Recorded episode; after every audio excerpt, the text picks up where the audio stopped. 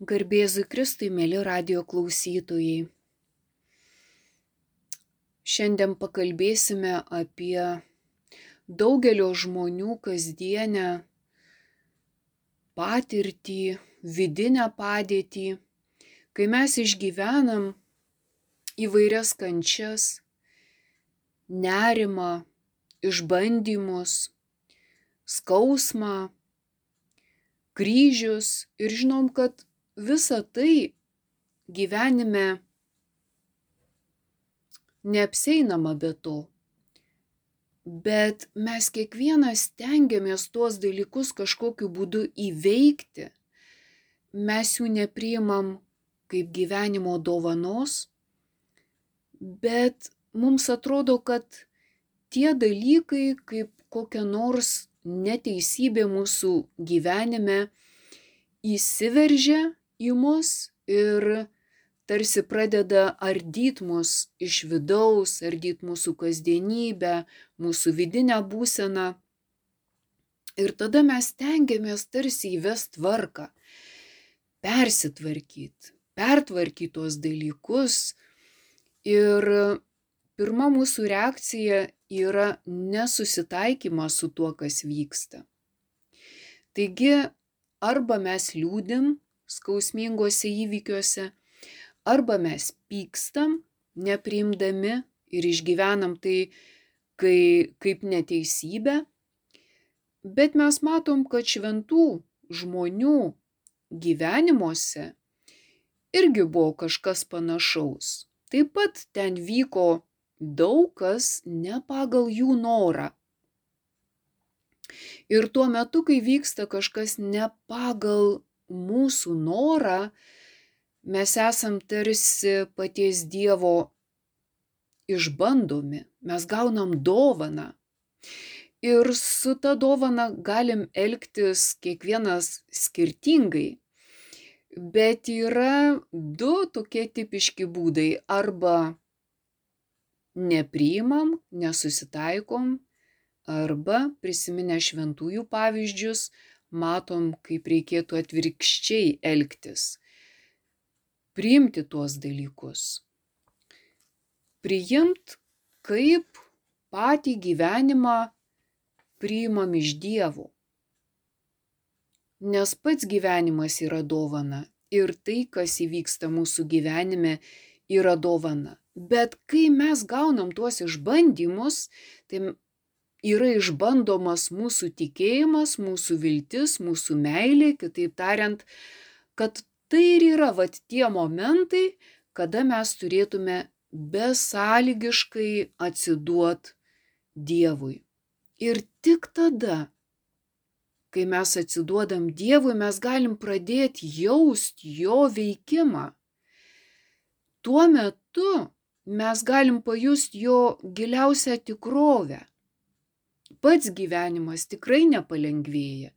Ir tos nelaimės, tie išbandymai mūsų neaplenkia, bet pasikeičia mūsų gyvenimas dėl pasikeitusios mūsų laikysenos. Kai mes esam vieni ir vieniši su savim ir kai bandom patys savo jėga pertvarkyti tą situaciją, gyvenimas yra vienoks, bet kai Dievui atiduodam tą savo širdies tuštumą, tą kančią, tuo metu mes esam pripildomi ramybės, tylos. Jėzus sakė, kad ateikite pas mane visi, kurie vargstate ir esate apsunkinti.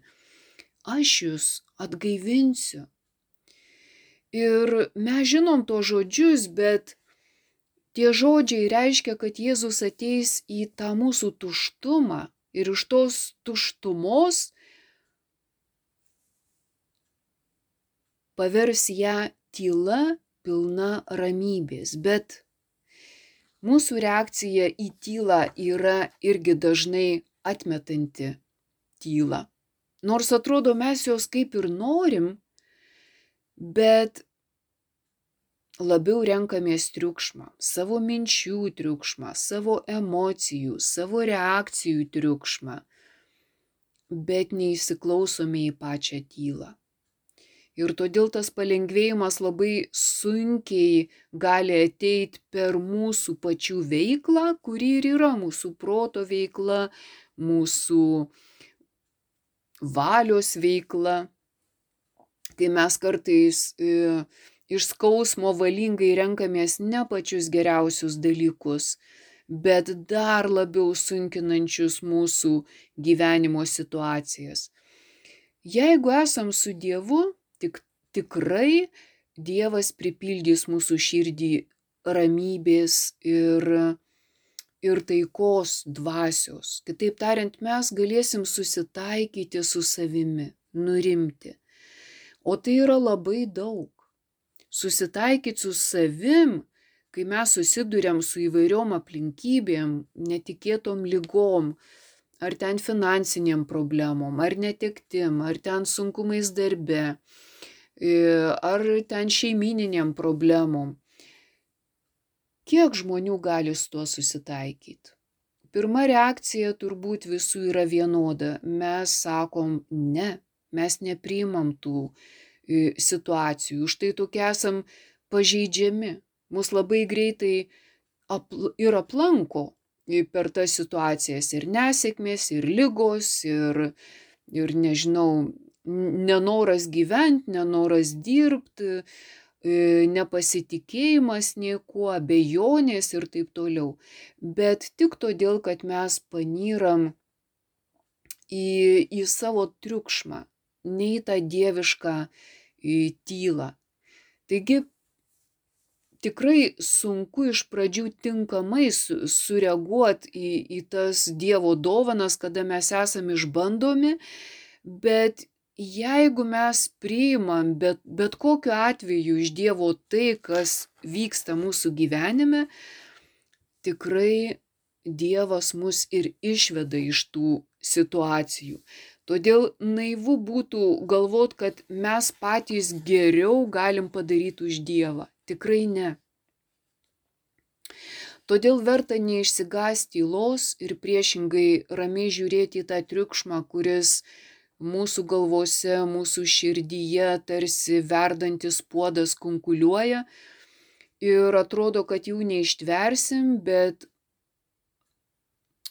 tuomet, kai tu priimi viską, kas tavyje vyksta, atsiranda tos keistos permainos.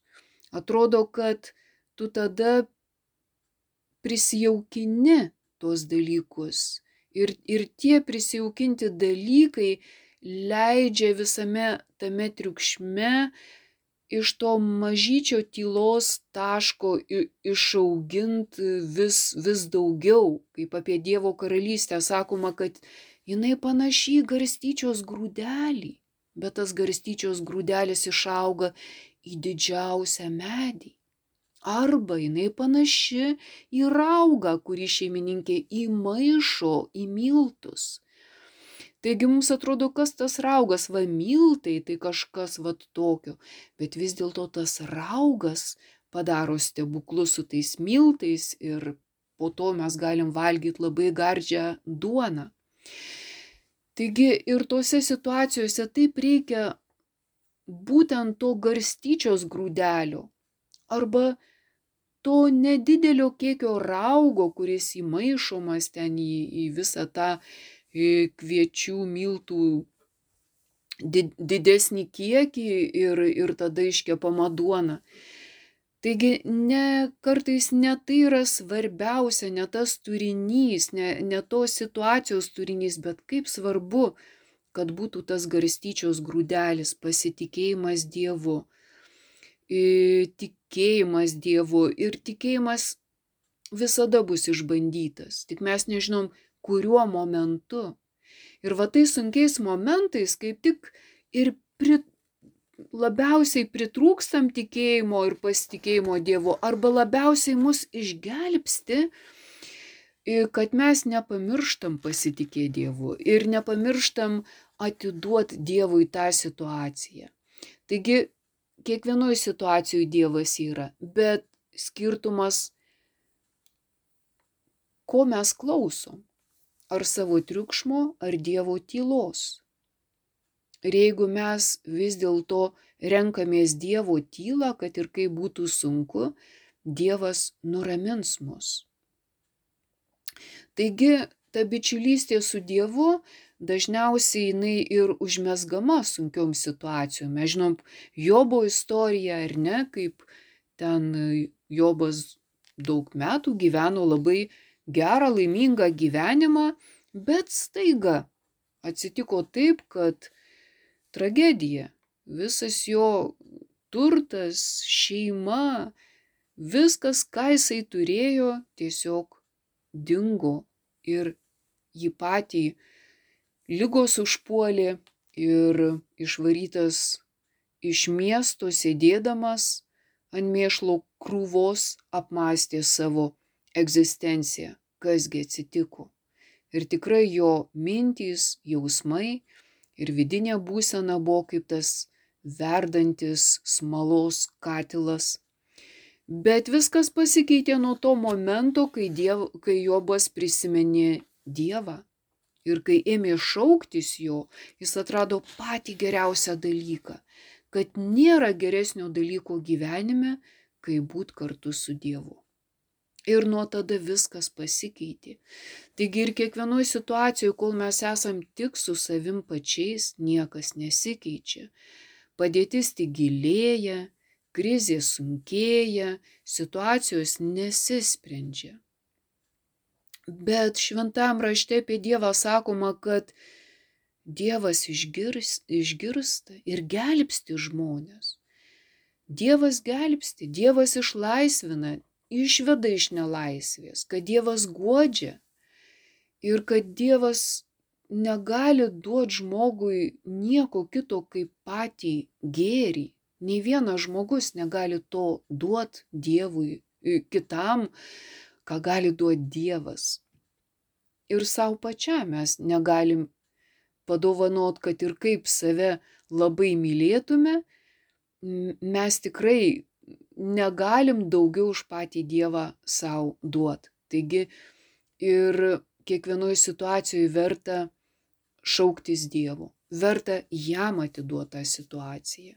Taigi sakoma, kad kai mes esam vieniši su savim, sunkumuose, lygose, bėdose, mes tarsi žiūrim į tą visatos juodą skylę, kuri viską traukia į save, primena mirtį, primena pabaigą, bet mes pamirštam, kad visatoje yra nesuskaičiuojama galybė žypsinčių žvaigždžių. Tuo momentu mes jų nematom, tik matom tą vieną juodą skylę, į kurią esam sutelkę savo dėmesį sutelkia į tą juodumą dėmesį ir tada sa savo kažkaip jėgom mes galvojam, kad mes įveiksim tą juodą skylę, kuri viską praryja. Tikrai ne. Taigi kančia ir yra ta, kuri viską praryja. Praryja mūsų žinojimą, praryja mūsų galės, mūsų pajėgumą. Ir mes vis tiek galvojam, kad kažkokiu būdu įsikibę į tą bėdą mes tą bėdą nugalėsim. Ne. Mes matom, kaip ir, pavyzdžiui, imtynės ringė vyksta, ar ne? Tai jeigu jau tie imtynininkai labai susikimba vienas su kitu, teisėjai iškart išskiria, nes ten niekas negali vykti. Reikia atskirti vieną nuo kito, taip ir mums.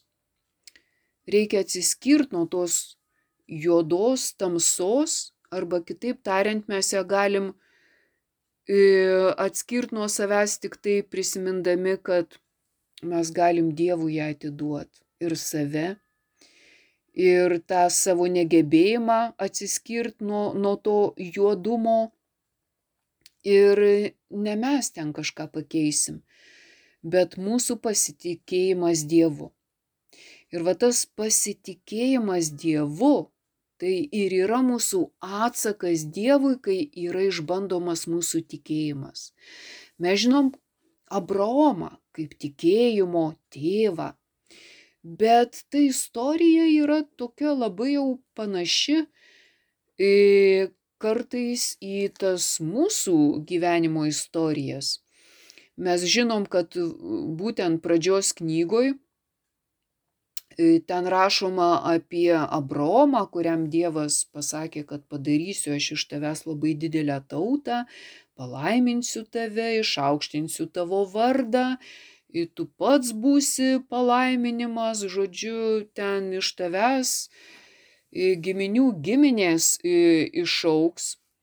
Na ir aišku, Abromas gyveno su savo gražuolė žmona, metais linko, bet tas pažadas kaip nesipildė, taip nesipildė. Ir paskui pati Sara sako Abromui, nu, žodžiu, kad viešpats tarsi susilaikė ar ne nuo, nuo to savo pažado, ką čia dabar daryti, tai gal tu sako, eik pas mano tarnaitę ir, ir gal per ją kažkaip tą sūnų sulauksim, žmonės pradeda spręs patys kažką daryti iš tos situacijos, tarsi gelbėdami patį Dievą. Ir žinom, kad būtent ta tarnaitė Hagara pagimdė Abromui sūnų, kurį pavadino Išmaeliu. Bet ta istorija, taigi ne taip baigėsi, ar ne? Ir va tas pažadas Abromui, kad tu būsi daugybės ten tautų protėvis ir kad aš padarysiu ten tave tokį, kad iš tavęs ten kils tautos, karalystės. Tai sulaukia šimto metų Abraomas, nu, juokėsi ar ne iš, iš tų dalykų. Bet atėjo laikas ir Sara pagimdė Izaoką buvus visą gyvenimą nevaisinga senatvėj, kai Abromas perkopė šimtą metų, gimė Izaokas. Bet istorija tuo nesibaigė, kai berniukui kažkur apie dešimt metų buvo, Dievas išbando Abromo tikėjimą. Ir galim įsivaizduoti, kad tą, sakykime, apie dešimt metų tas Abromo gyvenimas buvo vien tam vaikui skirtas ir Saros taip pat. Bet Dievas paprašė Abraomą būtent šitą brangiausią vaikelį paukoti ant kalno Dievui. Ir Abraomas vis dėlto leidosi į tą kelionę ir kad ir kaip jam buvo sunku, bet norėjo paklausyti Dievo ir įvykdyti tą Dievo liepimą. Bet Abromas net neįtarė, kad Dievui nereikėjo jo to brangiausio sūnelio gyvybės. Dievui reikėjo patikrinti jo tikėjimą. Jam rūpėjo sulaukti iš Abraomo vat to tikro pasitikėjimo ženklo. Ir šitoj vietoj mes matom, kad Abromas atidavė savį į Dievo rankas. Ir tam vaikui, kuris klausinėjo tėvelį, tai kur tas savinėlis, tai kaip viskas čia bus, Abromas atsakinėjo kaip Dievas žino. Mes sakytume, iš karto galvotume, ką čia daryti, kaip čia atsakyti, daryk taip, to nedaryk, arba čia kažką bandytume ten savo jėgom išspręs, pakeist, patvarkyti tą situaciją. Bet Abraomas jau buvo išmintingas. Ir sako, Dievas žino, ne aš. Nors jam pačiam atrodė, kad dabar tai jau tikrai viskas baigta ir su jo gyvenimu baigta, nes jau paukos viską, kas brangiausia. Ir su viskuo baigta, nes jis jau visiškai nieko nesupranta. Taigi matom, kad šitoje Abromo istorijoje iš tikrųjų, kas yra vertingiausia, kad Abromas išmoko ne pats vadovauti savo gyvenimui, jis galiausiai suprato, kad gyvenimas yra dovana kad gyvenimas yra malonė, viską, ką tu gauni gyvenime, yra didelė Dievo dovana, bet dovana, kad Dievas gali, gali paprašyti ar ne, kad tu tą dovaną ir jam padovanotum. Kitaip tariant, kad ne mes svarbiausius dalykus gyvenime reguliuojam, o pats Dievas. Ir kad čia reikia mums kantrybės. Nebereikalo Hildegarda Bingenietė sakė, kad didžiausia darybė yra kantrybė. Iš pradžių Abromui su Sara trūko tos kantrybės, o mums visur jos trūksta. Mes norim per greitai viską įspręsti, per greitai iki galo nusprendžiam. Ir labai dažnai dėl to gailimės. Trūksta kantrybės ir trūksta to atsidavimo į Dievo rankas kaip Abromas sako, Dievas žino, man nebūtinai viską iki galo nuspręs. Ir mano gyvenimo tvarkoje mes galim pamatyti Dievo ranką tada, kai mes jam atsiduodam, kai mes pasivedam jam, kai mes nesislapstom už savo galios, už savo suvokimo, už savo ten svajonių, už savo planų, bet visus juos atiduodam Dievui. Ir kai tai parodo Dievui, parodom Dievui ištikimybę, kaip Abraomas, tai tada mūsų tikėjimas Dievu tampa tvirtas, jis tampa pasitikėjimu. Bet pasitikėdami mes žengiam į nežinomybę, kaip Abraomas. Mes nežinom, bet mes pasitikim Dievu. Taigi turėtume pakeisti savo įprotį, paskutinis žodis mūsų, ne, ne mūsų. Tebūnė paskutinis žodis Dievo. Tegul kiekviena situacija iš dienos į dieną jam priklauso. Valanda po valandos jam priklauso. Viena akimirka po kitos akimirkos jam priklauso. Kodėl šventam rašte sako, nes, nesirūpink rytojų. Jis pats savim pasirūpins. Todėl, kad nesirūpint galim tik tada, jeigu mums Dievas yra tikras Dievas. Dažnai mes jį laikom tokiu žmogaus lygmens arba dar žemesniu, kaip sakoma, kągi Dievas gali va žmogus kartais mums atrodo kažkoks gali daugiau. Bet turėtume pakeisti savo įprotį galvot, kad Dievas gali tiek, kiek mes. Iš tikrųjų, tai rizikuokim tuo pasitikėjimu, kaip Abromas, rizikuokim atiduodami tas situacijas. Tai nereiškia, kad visiškai mums nieko ne, nereiks daryti, nes Dievas ir Abraomui irgi paskyrė tam tikrą veiklą. Tai nebuvo žmogus, kuris sudėjęs rankas įdėjo ir, ir žiūrėjo į vieną tašką. Bet va ta vidinė būsena, vidinė laikysena, jinai tikrai suteikia labai didelę vidinę laisvę, kai viską atiduodi Dievui. O mes taip norim būti laisvi ir taip dėjojam, kad nesam laisvi. Bet čia yra mūsų pačių apsisprendimas. Kitas labai svarbus dalykas susijęta su ta mūsų psichologija, kad mes kartais bandom taip daryti, bet ne šimtų procentų. Vienas e, žmogus e, visi eidavo iš pažinties ir sakydavo, aš nežinau, atrodo tikrai prieinu aš tos išpažinties, bet iš karto vėl tą patį darau, kaip pykau ten ant vaikų, kaip bariausi, kaip riekiau, kaip ten, žodžiu, nu niekas nesikeičia. Ir tada vienas kunigas jam sako, bet ar tu nors vieną kartą atgailavai už tai? Ir jis sako, man šviesa nušvito. Aš sako, tikrai, prieidavau iš pažinties, bet atgailauti už tai. Man atrodė gana to, kad aš tiesiog pasakau per išpažinti, kad taip elgiausi.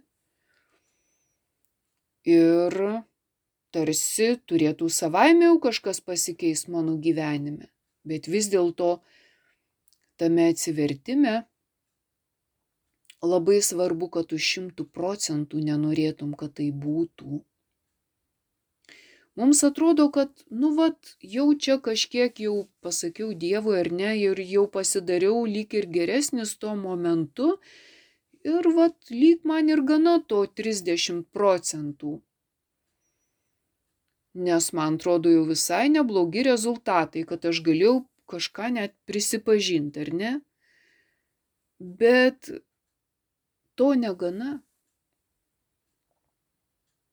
Nuoširdumas reiškia šimtų procentų. Eidamas iš pažinties aš turiu šimtų procentų priimti tą dalyką kaip ne mano paties dalį. Šimtų procentų ne mano paties dalį. Kad man visa tai to nereikia. Ir tada pradedi suprast, kad tas dalykas, kurio man visiškai nereikia, kad aš galėčiau jo atsikratyti, taip pat reikia Dievo pagalbos. Reikia atgailos. Reikia savo silpnumo pripažinimo. Taigi ir čia kartais galvom, nu tai, nu pasakiau, jau pasakiau, tai kas čia reiškia, galėsiu ašgi ir, ne, ir taip nedaryti. Bet jeigu iš tikrųjų nenorim pasikeist šimtų procentų, tai mes ir nepasikeisim. O jeigu šimtų procentų mes nenorim tai daryti, tai ir tai mes turim atiduoti Dievui ir sakyti Dieve, ir va šitą savo įprotį aš atiduodu tau ir tu man padėk nieko nedarytose situacijose. Kai Dievo atiduodi, tau nieko daryti nereikia, tau nereikia pykt. Jeigu įpratęs blogai galvoti apie kitus žmonės, tau atidavė Dievui ir tau nereikia blogai galvoti. Taigi mums mūsų ta psichologinė būsena yra tokia, kad mes net ir blogų dalykų nenorim atiduoti. Esmė yra, kad nenorim mes iki galo atiduoti Dievui šiek tiek, va tą 30 procentų, bet ne šimtą. Bet mes Jėzaus elgesyje matom, kad jis visur viską darė šimtų procentų. Šimtų procentų. Jeigu sakė, tai buvo šimtų procentų. Kaip, kaip sakoma, tai, ką Jėzus pasakė, nei atimsi, nei, nei pridėsi, šimtų procentų. Tada, kai mes bendradarbiaujam su Dievu, tai Jis labai nugludina visus tuos mūsų charakterio kampus, bet tik todėl, kad mes esam kartu su juo ir atiduodam jam savo dalį. Mes ne, ne, nepajėgtume sekti Jėzų, jeigu jam netiduotume savo naštų, dėl ko Jėzus sakė, nešiokite vieni kitų naštas o jis buvo pirmasis, kuris visų naštas ėmė ir mūsų jis gali paimti. Bet tai reikalauja nuo širdumo, bendrystėj su, su Jėzum. Mes turim nuoširdžiai prašyti, kad jis priimtų iš mūsų tą naštą, tą kryžių, tą būseną. Ir ta bendrystė jinai kiekvienu atveju yra skirtinga. Bet kiekvienas atvejis yra panašus tuo, kad Jėzus kiekvienam duoda dalį savęs. Mus apvilkta, apvilka Dievo šlove. Ir čia galim prisiminti Mozę. Mes apie jį tikrai žinom visą jo istoriją.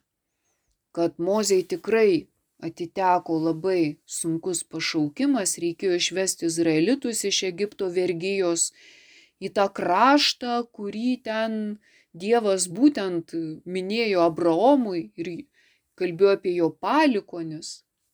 Ir kad tas kraštas turėjo tapti tos išrinktosios tautos nuosavybė. Tai istorija yra tikrai labai įdomi ir net yra filmas Mozė, labai įdomus filmas būtent apie Mozės gyvenimą. Ir mes matom, kad tikrai kiekvieno žmogaus gyvenimas yra labai įdomus, kad iš kiekvieno mūsų gyvenimo būtų galima sukurti įdomiausią filmą ir tam filme mes pamatytume, kaip Dievas veda mus kiekvieną tuo keliu. Ir aišku, mes turbūt pamatytume, kaip mes labai dažnai nenorime eiti tuo keliu. Na, bet grįžtant atgal prie Mozės, tai mes žinom, kad Mozė turėjo tautą, tą išrinktąją, nuvesti į tą jų nuosavą kraštą. Bet sakoma, hebrajai buvo kietas sprandė tauta. Ir labai jau permaininga, labai nenuspėjama, nepaklusni. Ir nekarta tikrai ir Mozei teko atsiprašyti už tą tautą ir susitaikyti su, su, su Dievu ir kalbėtis apie tos tautos reikalus. Apie Mozę buvo sakoma, kad, kad jis buvo tikrai išrinktasis ir kad jis buvo išrinktasis todėl, kad jis kalbėjosi su Dievu. Ir išėjimo knygoje dabar bandau surasti tą vietą, nu tebūnė šita. Mozė įėjus į palapinę nusileisdavo debesies tulpas ir stovėdavo prie palapinės įėjimo, o viešpats kalbėdavosi su Moze. Kai žmonės pamatydavo debesies stulpą stovintį prie palapinės angos, visi pakildavo ir puldavo kniupščia kiekvienas prie savo palapinės. O viešpats kalbėdavosi su Moze veidas į veidą, kaip žmogus kalbasi su savo bičiuliu ir paskui jis sugrįždavo į stovyklą. Bet Mozė, Mozės veidas spindėdavo viešpatie šlovė. Na ir vieną kartą Mozė tarė viešpačiui, prašyčiau parodyti man savo šlovę. Ir viešpats atsakė, aš padarysiu, kad praeis prieš tave visas mano gerumas ir ištarsiu prieš tave vardą viešpats. Aš esu maloningas tiems, kuriems esu maloningas ir pasigailiu tų, kurių pasigailiu.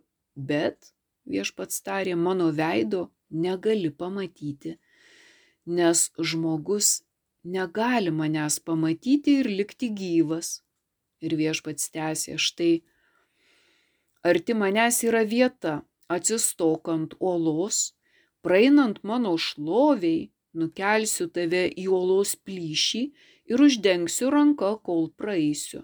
Tuomet nukelsiu ranką ir tu pamatysi mano nugarą, bet mano veido niekas negali matyti. Taigi matom, koks įdomus pokalbis tarp Mozės ir, ir viešpaties ir koks yra didelis tarp jų artumas, bet Mozė, e, kaip sako ir Grigalius Nysėtis savo knygoje Mozės gyvenimas, apie Mozę sako taip, Mozė išgyveno niekada neišsipildantį troškimą išvysti Dievą. O Grigalius apie Mozę, kuris prašė pamatyti Dievo šlovę, rašo taip, iš tikrųjų, gi Dievas nebūtų pasirodę savo tarnui, jei toks regėjimas būtų pilnai patenkinęs Mozės troškimą. Tačiau tikrasis Dievo regėjimas štai kuo yra ypatingas, kad jį išvykusi siela niekada nesiliauja troškusi regėti vėl. Taigi Mozė iš tikrųjų buvo kartu su viešpačiu, bet jis negalėjo pilnai jo pamatyti ir troško vėl ir vėl dar artimiau jį pamatyti. Ir Grigalius Nisėti sako, betgi dvasingumas tai reiškia, kad mes visi turim trokšt Dievo šlovės, pamatyti Dievo šlovę. Ir tai reiškia dvasingumo augimą Taigi, kai mes kartais galvojam, nu atsivertimas tai yra, kai tu kažką vat supratai vieną kartą, galbūt tą 30 procentų pasikeitė ir jau čia viskas, kaip mes sakom, stogas, riba. Jau, jau beveik jau ir šventas, tai iš tikrųjų ne. Augimas yra kaip to garstyčios grūdo į medį. Jis yra nuolatinis, neįmanoma sustoti. Taigi mes įpareigoti žingsnis po žingsnio, nuo vienos situacijos prie kitos, išgyventą Dievo artumą, pasitikint juo. Nuodėmė tai yra mūsų atsisakymas, tiesiog to augimo sustabdymas. Mes atsisakom dvasiškai tobulėti. Ir mes žinom, kai augalas apserga, tai paskui labai sunku ten jį atgaivinti taip ir mūsų bendrystė su Dievu. Tai nuolatinis toks kilimas nuo šlovės prie dar didesnės šlovės ir iš tikrųjų tas dvasinis augimas ir yra apsivilkimas Dievo šlove. Paulius savo laiške sako, kad po mirties mes gausime tą dvasinį kūną. Ką tai reiškia? kad mūsų kūnas bus apvilktas Dievo šlove.